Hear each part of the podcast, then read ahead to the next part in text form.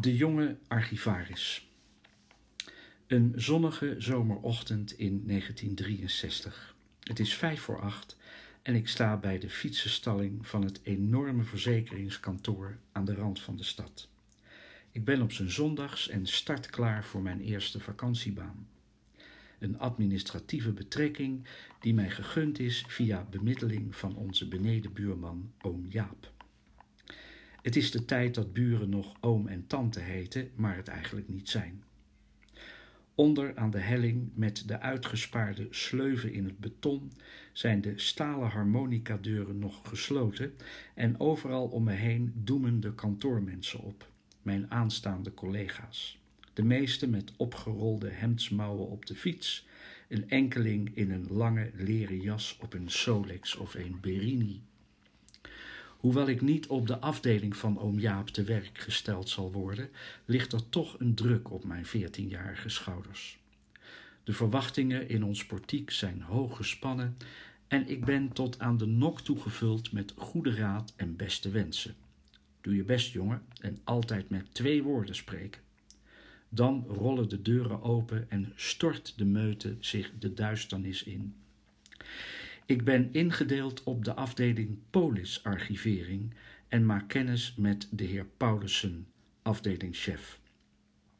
Hij gaat een archivaris van mij maken, zegt hij met een guitig bedoelde knipoog. Mijn superieur is een papperige vijftiger met grijze bretels en zit in een glazen hok aan het uiteinde van een lange pijpela met aan beide zijden van het middenpad een rij bureaus. Vanuit zijn positie kan de chef al zijn werknemers in één oogopslag observeren, een bezigheid waar hij zich, zoals ik later zal ervaren, met overgave aan wijdt. Mijn taak is het om de bij te werken polissen aan te dragen en de bijgewerkte polissen op te bergen. Ze leven in een reusachtig draaiende archiefmolen die met de hand bediend moet worden en eindeloze stapels mappen in zijn bolle buik verborgen houdt. De werkzaamheden dienen te worden uitgevoerd volgens een nauwkeurig vastgelegde procedure en codering. In mijn ijver en dienstbaarheid heb ik tijdens de uitleg daarvan vaak en begripvol geknikt, maar weinig concrete informatie opgeslagen. Gelukkig heb ik met het opzoeken van het gevraagde materiaal geen problemen. En mijn mentor is onder de indruk van de snelheid waarmee ik de mappen weer terug op hun plaats weet te leggen. Ik kan op de afdeling opperbest met de collega's overweg en ook de pauzes worden in een ontspannen sfeer genoten. Thuis doe ik enthousiast verslag van mijn ervaringen en in de wandelgangen ontvang ik bemoedigende schouderklopjes van oom Jaap. Waar men op kantoor echter na anderhalve week prettig samenwerken achterkomt, is dat ik met het oog op de soepele voortgang van mijn loopbaan vanaf de eerste werkdag een geheel eigen systematiek heb ontwikkeld en de ontvangen polissen keurig maar onvindbaar in de altijd hongerige ingewanden van het archief heb gepropt. Ik mag die middag al vroeg naar huis en zie vanuit de stalling voor het laatst het verblindende licht van de vrijheid opdoemen. Mijn relatie met oom Jaap mag in de jaren daarna geen naam meer hebben. De stort. Ik heb wat elektrische apparaten, een bureaustoel en oud papier. De vrouw achter het kogelwerend glas kijkt me wantrouwend aan. Haar blik heeft de kille autoriteit van een kampbewaakster op appel. Ze is de rosa klep der receptionistes.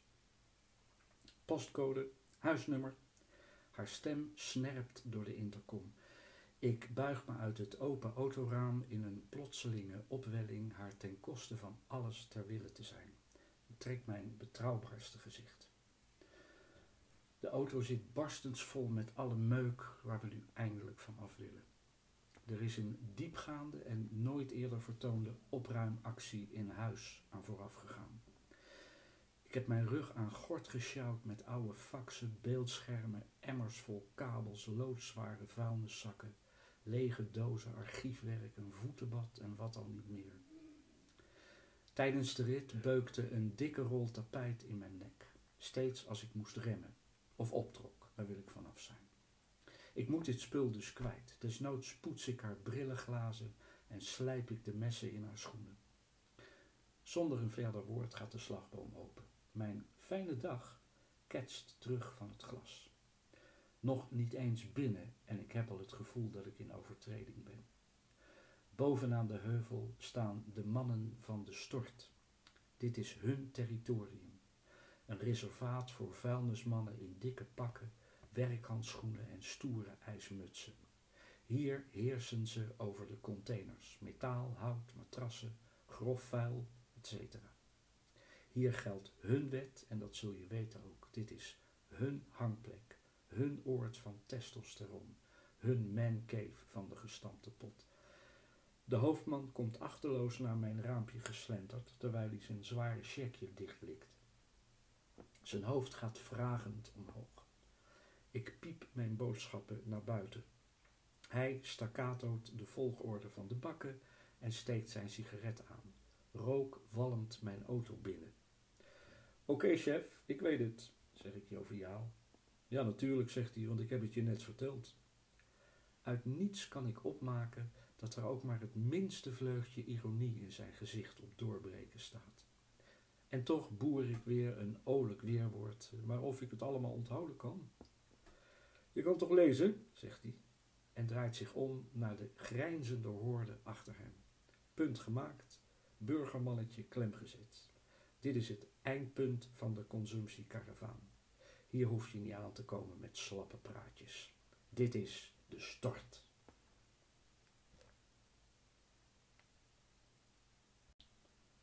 De stort. Ik heb wat elektrische apparaten, een bureaustoel en oud papier. De vrouw achter het kogelwerend glas kijkt me wantrouwend aan. Haar blik heeft de kille autoriteit van een kampbewaakster op appel. Ze is de rosa klep der receptionistes. Postcode, huisnummer. Haar stem snerpt door de intercom.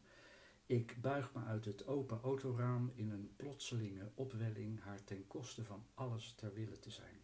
Ik trek mijn betrouwbaarste gezicht. De auto zit barstensvol met alle meuk waar we nu eindelijk van af willen. Er is een diepgaande en nooit eerder vertoonde opruimactie in huis aan vooraf gegaan. Ik heb mijn rug aan gort gesjouwd met oude faxen, beeldschermen, emmers vol kabels, loodzware vuilniszakken, lege dozen archiefwerk, een voetenbad en wat al niet meer.